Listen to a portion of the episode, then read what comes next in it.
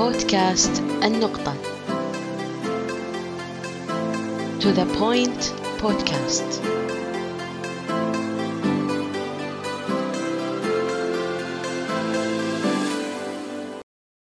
مرحبا بكم أعزائنا المستمعين في بودكاست النقطة.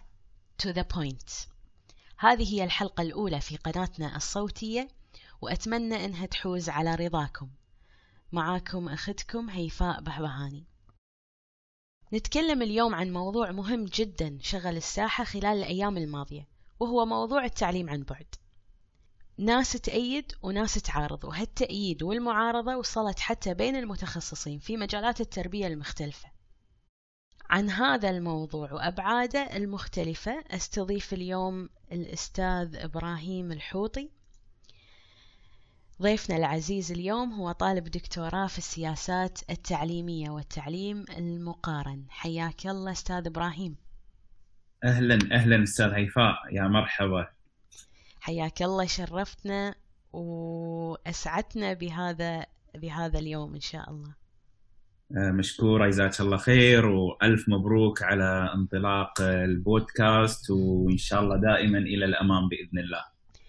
تسلم إن شاء الله. أنا أتشرف أنه يكون الحلقة الأولى مع حضرتك. حياك الله. والله استرف لي مشكورة جزاك الله خير. نبدأ إن شاء الله؟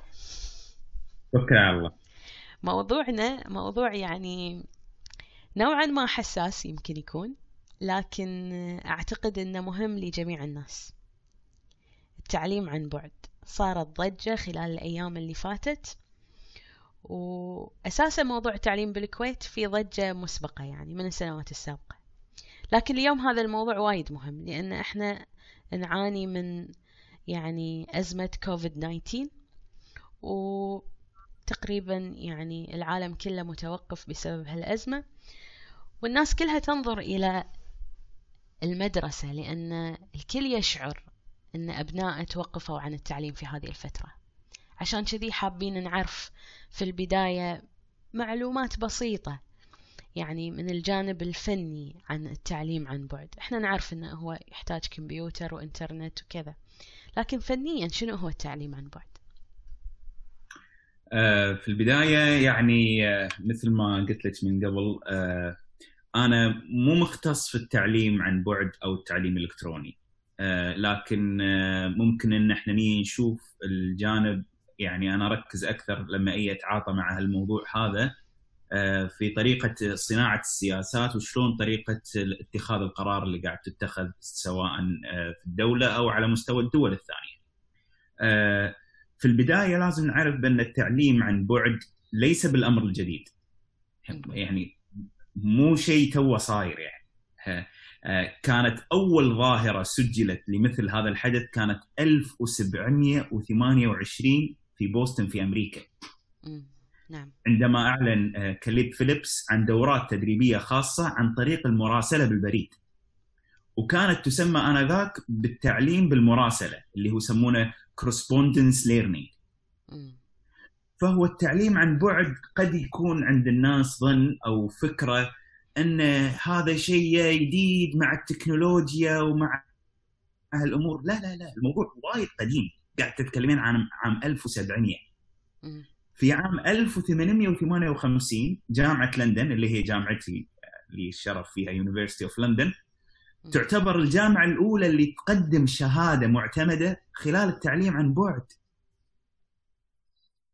مركزة هيفاء أي تاريخ أي سنة؟ 1858 1800 1858 وإحنا الحين 2000 يعني. إحنا 2020 كانت تعطي شهادة qualified certified شهادة degree university حلو؟ حلو. من خلال التعلم عن بعد.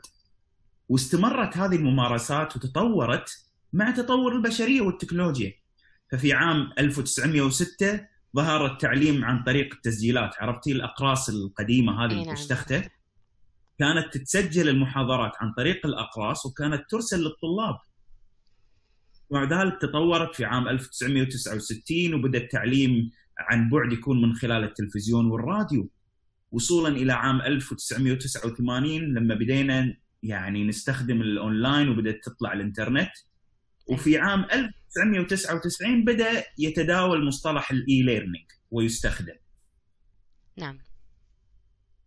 فهو التع... يعني التعليم عن بعد وال... والممارسات اللي قاعد تصير هذه اليوم هذه ترى مو وليدة اللحظة. مو هذه فيها ممارسات مو جديدة هذه ممارسات قديمة. إحنا ما كنا نعرفها إحنا ما استخدمناها هذه مشكلتنا. بس في ليجاسي وفي إرث كبير مستخدم في الغرب اعتقد أعتقد. سابقا يعني قبل القرارات المؤخرة كان في يعني قرار بالكويت يسمح بالتعلم بالمراسلة. إذا يعني تتذكر معي آه، بعدين منع طبعا. بعد فترة منع التعلم بالمراسلة.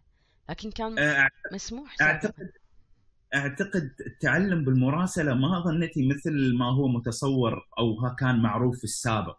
أي. آه، في السابق لا. في السابق كان الأستاذ يحط مجموعة المواد العلمية اللي يحتاجها ويدزها في البريد حق الطلبة والطلبة يدرسون. وكان في مناهج تصير عن هالطريق في طرق تقييم كانت تصير هالطريق بهالطريق. وللحين يعني آه، نموذج فيليبس ما زال يدرس ويذكر في طريقة تعامله وطريقة آه، تواصله مع طلبته وشلون كان يقيمهم ومثل من هالأمور هذه كلها. لكن من الضروري جدا إن إحنا نأكد على إن التعليم عن بعد لا يعني بأي شكل من الأشكال أن يكون عن طريق الإنترنت فقط. نعم. أو عن طريق شاشة الكمبيوتر أو الآيباد أو التليفون. التعليم عن بعد أكبر من هذول كلهم. وما والإنترنت والكمبيوتر والآيباد والتلفزيون ما هو إلا شكل من أشكال التعليم عن بعد وليس هو التعليم عن بعد. فليس كل تعليم عبر الإنترنت يحتاج إلى شاشة. وليس كل تعليم عن بعد يحتاج إلى إنترنت. يعني إحنا لما ما- نقول لما نتداول كلمة تعليم عن بعد هذه الكلمة يعني حسب كلامك غير دقيقة. يعني إحنا المفروض إذا كنا نقصد اللي نقوله فالمفروض نقول التعليم عن طريق الإنترنت مثلا لأن إحنا هذا اللي نقصده اليوم. بس إي بس التعليم عن طريق الإنترنت هو شكل من أشكال طريقة التعليم عن بعد. okay. لكن لكن اليوم التعليم عن طريق الإنترنت ما يحتاج انك أنت تجابلين الشاشة 24 ساعة. لأن اليوم صحيح إن الإنترنت يس- يسهل كثير من الأمور لكن لا يعني ذلك إن الطالب يقضي ساعات لأداء دروسه من خلال الشاشة. أنت تقدرين من خلال الإنترنت إن يكلف الطالب بكتابة قصة أو رسالة لأصدقائه أو يرسم رسمه أو يلون أو يصنع أشكال من الطين من الورق أو من الكرتون. أو حل مسائل رياضية كذلك إما عن طريق برامج برمجيات موجودة عن طريق الكمبيوتر أو أسويها عن طريق الورق. وبعدين تقدرين تصورين ال- ال- ال task أو ال homework أو أو الشيء اللي أنت سويتيه وترسلينه للمعلم أو الطفل يرسله للمعلم. يعني أشوف إن الموضوع بسيط ليش الناس مستصعبينه طبعا الموضوع وايد بسيط جدا بسيط. وإذا جينا الحين نتكلم عن موضوع النماذج أو ال- اللي في المحور الثاني راح تشوفين إن في شغلات جدا بسيطة لكن في النهاية التعليم عن بعد ما يأتي من فراغ. نعم. التعليم عن بعد محتاج إلى منظومة كاملة تشتغل عليه. فالفكرة انه آه، هو أمر بسيط صح أمر بسيط نظريا لكن لما نيجي نطبقه في الواقع نوعا ما يكون آه، مو بهالبساطة. محتاج ايفورت محتاج شغل. نعم لذلك لما نتكلم عن موضوع التعليم عن بعد خاصة في هالظروف هذه لازم نركز على نقطة أساسية ونتفق عليها. التعليم اللي قاعد يصير حاليا على مستوى العالم لا يعتبر تعليما إلكترونيا أو تعليما تكنولوجيا. أها هو ما يسمى بتعليم الطوارئ. emergency learning. وفي كامل الاختلاف بين التعليم الإلكتروني من حيث التصميم والآليات المتبعة وفترة القضاء على الوقت وشلون طريقة تصميم المنهج ال- ال- الإلكتروني منهج التعليمي عن طريق الإلكتروني وهذا كله وايد مختلف كامل الاختلاف على مفهوم تعليم الطوارئ لذلك آه. لما نيجي إبراهيم يمكن لهذا السبب الناس يعني خاصة حتى المتخصصين بالتعليم عن بعد قاعدين يركزون إن اللي تبون تسوونه أو اللي أنتم قاعدين تطالبون فيه آه، هو صعب تحقيقه وبالتالي ممكن يفشل إذا طبقناه في الكويت. يعني لما سمعت هذه المعلومة منك أن التعليم عن بعد يفرق عن تعليم الطوارئ الحين قدرت أفهم ليش الناس قاعدة تعارض آه، مطالباتنا بالتعليم عن بعد. تفضل. انت انت قصدك التعليم تعليم الطوارئ هو التعليم عن بعد بس قصدك انت انت توك تستدركين موضوع التعليم الطوارئ والتعليم الإلكتروني صح؟ إي يعني أنت لما فرقت لي الحين بينهم أنا عرفت ليش في ناس متخصصة بالتعليم عن بعد تعارض تطبيقه في هذا الوقت طبعا لأن خاصة المتخصصين في التعليم عن بعد مو التعليم عن بعد عذرا آه، المتخصصين في التعليم الإلكتروني أو المتخصصين في ال e-learning آه، وايد أسماء بديت يعني أتابعها وأشوفها. عندهم اعتراض كبير على الممارسات اللي قاعد تصير. بس إحنا نقول لهم يا جماعة ترى هذا مو تعليم إلكتروني. هذا تعليم طوارئ لأن التكنولوجيا والإنترنت متوفر ويسهل علينا عملية التواصل قاعد نستغله. يعني لنفترض لو هذه الأزمة صارت في زمن ما كان موجود الإنترنت هل كنا راح نتصور إن العالم راح يوقف التعليم؟ لا راح يوجد طريقة راح يوجد طريقة اللي هي الطرق الاعتيادية اللي قبل كان يستخدمها اللي هي عن طريق المراسلة، عن طريق الإذاعة، عن طريق التسجيل، عن طريق التلفزيون. بس ليش إحنا قاعد نتوجه اليوم إلى استخدام تعليم الطوارئ عن طريق التكنولوجيا والالكترون والجانب الإلكتروني؟ لأن هي متاحة، متوفرة، رخيصة، سهلت علينا الموضوع. وكذلك مع انتشار ال e-learning والتعليم الإلكتروني خرجت منصات تعليمية جدا كبيرة على مستوى العالم سهلت علي أنا اليوم كدولة أو سهلت علي اليوم أنا كمعلم إني أنا أستخدمها كوسيلة لتوصيل التعليم الطوارئ اللي أنا راح أحتاجه. فاليوم أنا في في المدارس اللي قاعد تصير في بريطانيا، في أمريكا، في اليابان، في العالم كله ما حولوا تعليمهم إلى أن يكون تعليم إلكتروني. سموه ريموتلي ليرنينج تعليم عن بعد. ولا عطوه صفة التعليم الإلكتروني. حتى يبينون بأن المسألة ليست مبنية على تحويل التعليم كله يكون إلكتروني. أه. فهذه ضروري أن إحنا نفرق ونعرف. لذلك لا نتوقع اليوم من التعليم الطوارئ النتائج وممارسات شبيهة بالتعليم الحقيقي لأن من اسمه تعليم طوارئ. لا أتوقع اليوم من التعليم الطوارئ إني أنا آه، يكون آه، ما عندي تحديات ولا يكون عندي صعوبات لا هو من اسمه تعليم طوارئ. وقت الطوارئ يصير فيها آه، يصير في شغلات إيرور يصير في أخطاء السيستم يعلق يصير في تأخير يصير في عدم ترتيب. تصير في نوعا ما فوضى في بداية الأمور هذا أمر اعتيادي وطبيعي في وضع الطوارئ نعم. لكن لما نيجي إحنا نقول إن هذا تعليمنا هو تعليم إلكتروني فما نتقبل مسألة الخطأ والإيرور والإنترنت متعطل والإنترنت بطيء نعم. فهمتي الفرق؟ واضح طيب يعني هذه المعلومات اللي ذكرتها مهمة أساسية يعني في في موضوع التعليم عن بعد. لكن وايد ناس يقولون إن كثير من الدول اللي قررت خلال هالأزمة إنها تتجه إلى التعليم عن بعد تراجعت عن الموضوع. نعم. فهل فهل هذه المعلومة يعني صحيحة؟ هل في دول ما زالت تمارس التعليم عن بعد في ظل هالأزمة ولا الدول بدأت تتراجع يعني هل في تجارب زينة ماشية يعني حول العالم وأنا بس يعني أنا قصدي ما أدري منو اللي قال إن اللي أقدم على التعليم عن بعد تراجع عنه ما ما غير صحيح. غير صحيح، خليه يذكر لنا دولة واحدة أقدمت على التعليم عن بعد بعدين تراجعت عنه. في بعض الإخوة طبعا من الأكاديميين ذكروا بريطانيا على سبيل المثال وذكروا كذا جامعة إنها تراجعت عن التعليم عن بعد وبعض المدارس طبعا. آه، لكن مدى مدى صحة المعلومة صراحة ما أدري. أنا أنا اليوم أنا اليوم أكلمك آه، أنا في بريطانيا أنا اليوم في الكويت لكن أنا أنا دراستي في بريطانيا. نعم. آه، و- وبنتي ما زالت تدرس في بريطانيا هي في الكويت وما زالت تدرس في بريطانيا. نعم. التعليم ماشي جامعاتنا ماشية مدارس بنتي الحضانة والابتدائي ماشيين. ما في تراجع بتاتا خاصة في بريطانيا يعني.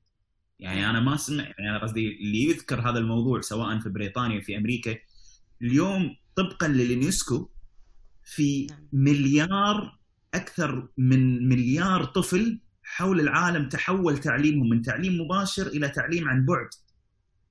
نعم. طبقا لاحصائيات. ما عدا للأسف. الكويتي. للأسف الطفل الكويتي. وتعددت النماذج العالمية. يعني اليوم اليوم ما في نموذج واحد للتعليم عن بعد ولا في شكل واحد من, من التعليم عن بعد. لكن يعني بما ان تكلمت عن مسألة هل هناك نماذج ناجحة نعم. اليوم ما نقدر نقول إذا ما نقدر نقيس هل هذا النموذج ناجح ولا غير ناجح. لأن اليوم ما عندنا طرق للقياس التجربة. التجربة كانت آه، طارئة الحدث كان سريع آه، في يوم وليلة تغيرت تغير كل شيء في العالم. نعم. فاليوم أنا هي أقول انه هل هذا تعليم ناجح ولا غير ناجح؟ أنا أقول لك يا سيدي الكريم هذا السؤال خله بعدين. لكن اليوم هل في محاولات؟ يعني قاعدة تحاول بعض الدول محاولات ل... ل... ل... لاستمرارية عملية التعليم. طبعا وأنا اليوم كوني إن أنا أدرس في لندن دكتوراه فبناتي يدرسون اليوم معي في لندن. إحنا اليوم الحمد لله في الكويت وصلنا بالسلامة. الحمد لله على لكن- سلامتك. الله على سلامتهم. لكن أنا أنا بنتي آه، عندي بنتين آه، عندي بنت عمرها سبع سنوات ثالثة ابتدائي. وعندي بنتي آه، عمرها أربع سنوات للحين بالحضانة. بناتي الثنتين من أول ما بدينا الأزمة إلى اليوم ما توقف تعليمهم بتاتا. نعم. ليه اليوم إلا اللهم وقفوا في إجازة الإيستر. حتى ال- حتى شوف حتى ال- حتى عشان بس تعرفين طريقة استمراريتهم في التعليم إن مشوا على نفس الجدول. ما غيروا التقويم الدراسي. حتى وهم تعليم طوارئ حتى وهم تعليم طوارئ. حتى وهم تعليم آه، إلكتروني عن بعد حتى وهم تعليم عن بعد. إجازة Easter يعني إجازة Easter. أنا راح أرجع بعد شوي حق الفرق بيننا وبينهم. يعني آه، تبادرت تبادرت أكثر من أكثر من كذي أكثر من. كذي. ان إحنا عندنا في آه، في بريطانيا في نظامها عندهم term ات. مو مثلنا إحنا في الكويت عندنا الفصل الدراسي الأول والفصل الدراسي الثاني. نعم. لا. عندهم term 1 بعدين عندهم off term عطلة لمدة أسبوع. بعدين term 2 عطلة أسبوع. term 3 عطلة س- term 2 بعدين Christmas term 3 عطلة أسبوع وهكذا. حلو؟ أي. شفتي عطلة الأسبوع هذه. ترى يسو... ترى ترى سووها الحين في التعليم عن بعد. عندنا أسبوع واحد هذا يعتبر off term. ما في activity ما في تعليم ماكو شيء لأنه هو عطلة. طبقا للجدول اللي هم قاعدين يمشون فيه. نعم. التقويم الدراسي مشى على ما هو عليه. فاليوم من يعني من أول ما أغلق تم إغلاق المدارس من أول ما أغلقت المدارس في بريطانيا وترى ما أغلقت المدارس في بريطانيا مبكر مثل الكويت. أنا أذكر مودي بنتي تاريخ 20 3 موديهم بناتي موديهم المدرسة. كنا بلندن للحين ببريطانيا. اي 20 3 كانوا مداومين يعني. ف آه، ومن أول ما تم إغلاق المدرسة الحين أنا راح أعرض لك شنو قاعد يصير في بريطانيا مع بناتي وهم موجودين في الكويت. نعم. آه، من أول ما ما ما أغلقت المدارس تم التواصل مباشرة مع أولياء الأمور عن طريق الإيميل ودزوا لنا نشرات وقالوا لنا بالضبط شنو عملية التعليم اللي راح تصير.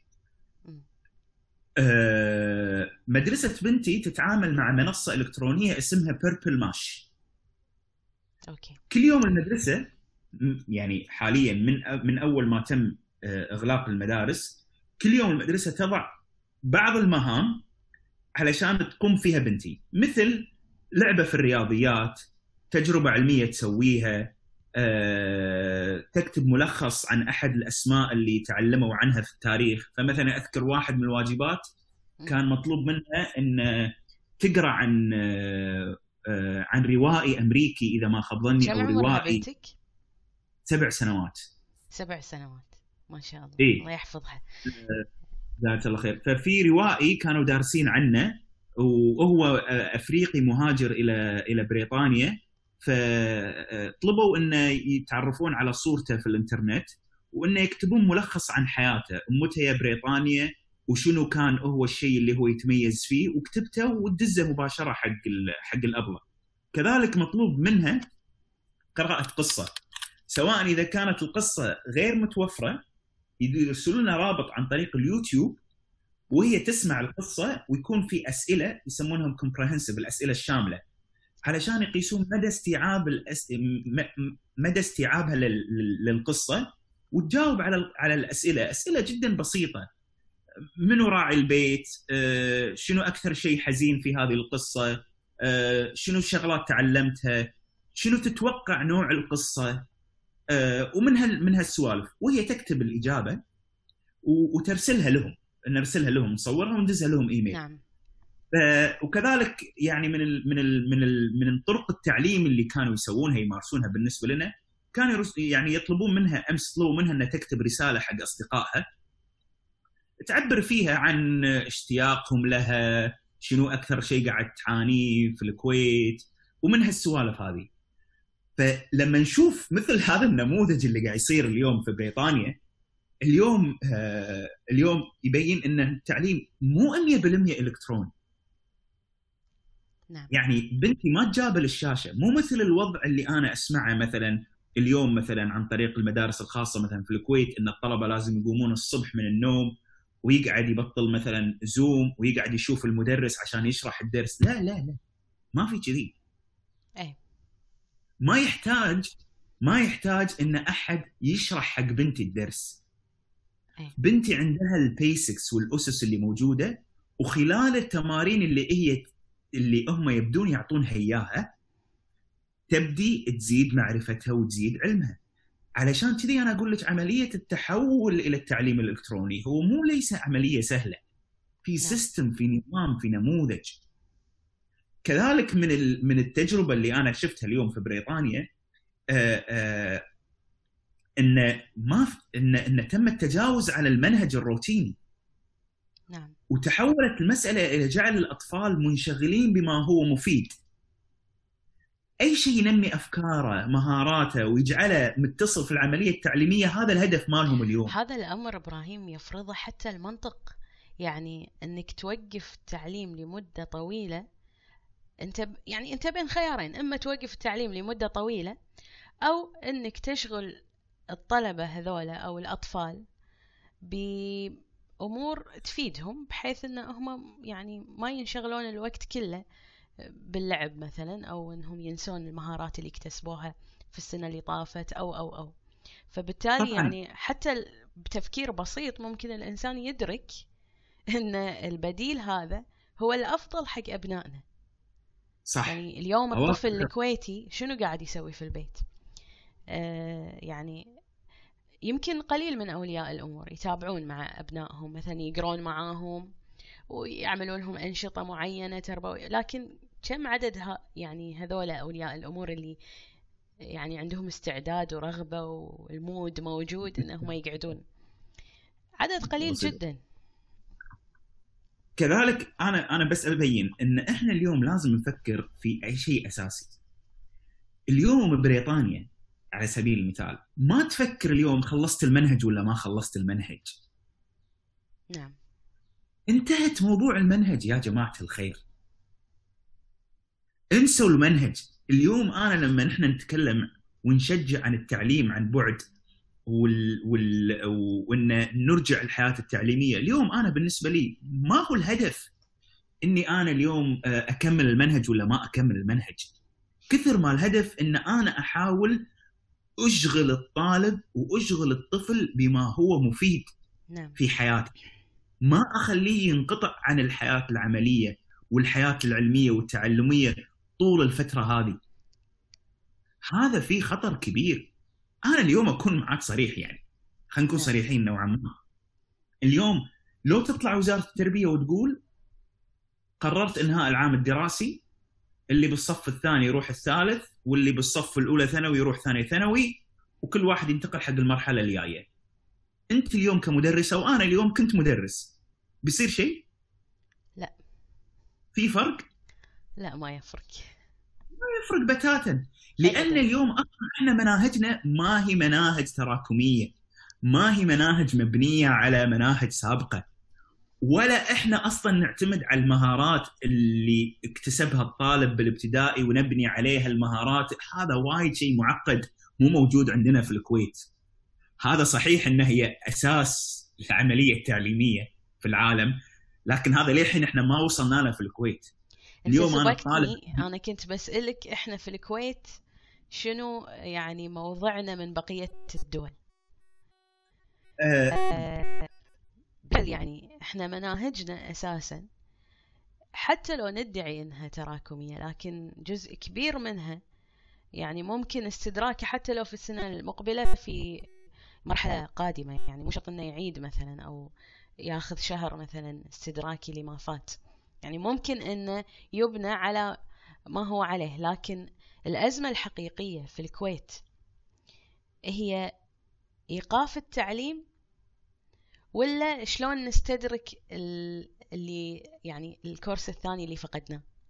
شنو أنا الأزمة بالنسبة في نظرك؟ أنا الأزمة في نظري هو إيقاف التعليم لسبب أساسي لسبب أساسي. آه ال ال آه اليوم ما يصير أول كل ما صار شيء في الكويت أول شيء يوقف شنو؟ تعليم. تذكرين قبل سنة سنة ونص يوم صار مطر؟ نعم. وغرقت الديرة؟ تعطل التعليم أسبوع صح ولا مو صح؟ صح. زين اليوم بأزمة كوفيد 19 المدارس والجامعات أول ما توقفت. صح ولا مو صح؟ صحيح.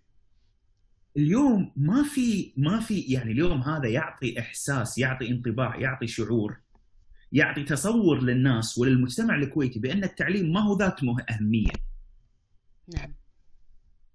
اليوم التعليم هو أول واحد نضحي فيه.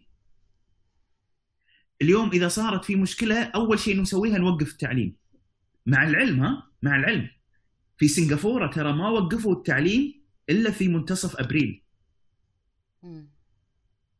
لعدم باعتقادهم لعدم وجود أي أدلة على إمكانية الأطفال لنقل هذا الوباء ومستوى تأثير الوباء على الطفل أو الفيروس على الطفل جدا بسيط وممكن تجاوزه بناء طبعاً. عليه طبعا يعني عشان المستمع يستفيد أكثر إذا ما كان يعني متخصص في التربية سنغافورة من الدول الرائدة تربويا وتعليميا وممارساتها التعليمية تقوم على ال evidence based يعني فلذلك أنت حضرتك قاعد تذكر يعني أن هم ما وجدوا أي دليل وكذا يمكن المستمع يتساءل يعني ليش لازم مثلا يتبعون هذه الأنواع من الأدلة لأن الدولة تعتمد في قراراتها على الأدلة العلمية فأنا اليوم في الكويت بالنسبة لي غير من غير مقبول إني أنا أوقف العملية التعليمية بتاتا في الكويت.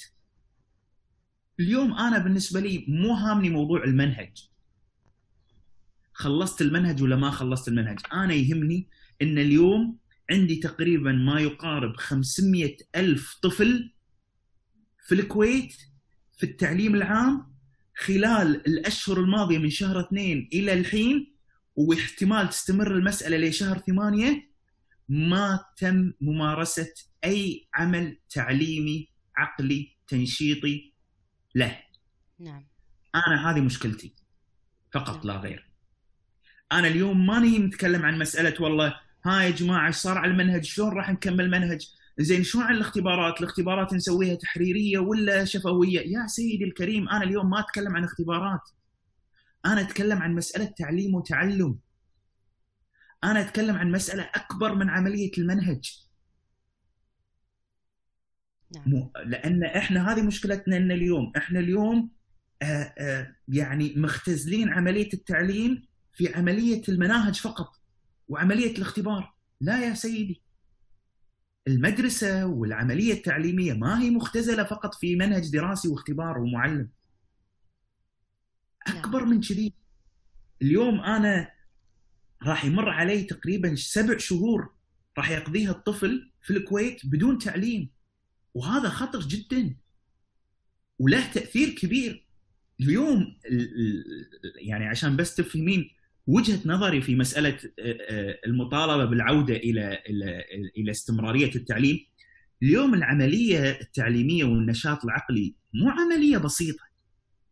هي مو مسألة عملية switch on و switch off نعم. اليوم أنا ما أقدر أتحكم في عقل الإنسان وأقول له خلاص اليوم أنت تعلم يلا تعال ارجع المدرسة اشغله switch on يلا بلش دوام. حلو؟ آه صار في مطر راح نوقف التعليم switch off بعد الأزمة راح switch لا لا هي مسألة مو بهالطريقة هذه. اليوم مثل الرياضي. اليوم إذا انقطع عن التمرين لفترة طويلة عود عودته للملاعب ستكون صعبة وايد. وكثير من المهارات يعني بالضبط. المهارات مثل العضلات تحتاج إلى تمرين. بالضبط. وكثير من المهارات واللياقة اللي اللي كان يمتلكها ممكن يفتقدها ويحتاج وقت وايد طويل حق الريكفري. مثل ما أن الجسم له لياقة كذلك ذهن الإنسان وعقل الإنسان له لياقة السؤال هل حافظنا على لياقة الطفل العقلية خلال الازمه؟ لا للأسف بل أهملناها وبعدين بعد ثمان أشهر لما نيجي شهر ثمانية هل إحنا نكون يعني مستعدين هل راح يكون مستعدين للعملية التعليمية؟ واهم الصراحة اللي يظن إن الطفل بعد هالانقطاع الطويل راح يكون مستعد إنه يرجع مرة ثانية للعمليه التعليميه. اليوم عشان بس أعطيك الفرق اليوم جزء من الشغلات اللي قاعد يرتبون لها في بريطانيا على سبيل المثال مع العلم إن هي ما أوقفت العملية التعليمية شلون لما نرجع للمدرسة وشلون لما نرجع للعملية التعليمية كم راح نحتاج علشان يرجعون الطلاب كلهم على نفس المنوال وعلى نفس السيناريو اللي كانوا عليه قبل الأزمة هذا يعني هذا هذا الأمر يحتاج إلى قيادة تنظر يعني على المدى البعيد وليس المدى القريب فقط. طبعا طبعا طبعا. طيب آه، يعني بما أن إحنا استكملنا وقت الحلقة فأنا أتمنى أن يكون لنا حلقة قادمة إن شاء الله.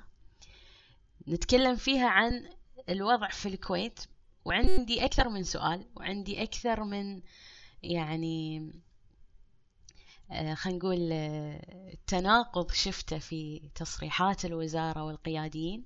لكن أتمنى أن إحنا نستكمله في حلقة قادمة من بعد إذنك أستاذ إبراهيم. إن شاء الله ماكو مشكلة. إن شاء الله. نلتقيك في حلقة قادمة. شكرا جزيلا. شكرا. بودكاست النقطة. To the point podcast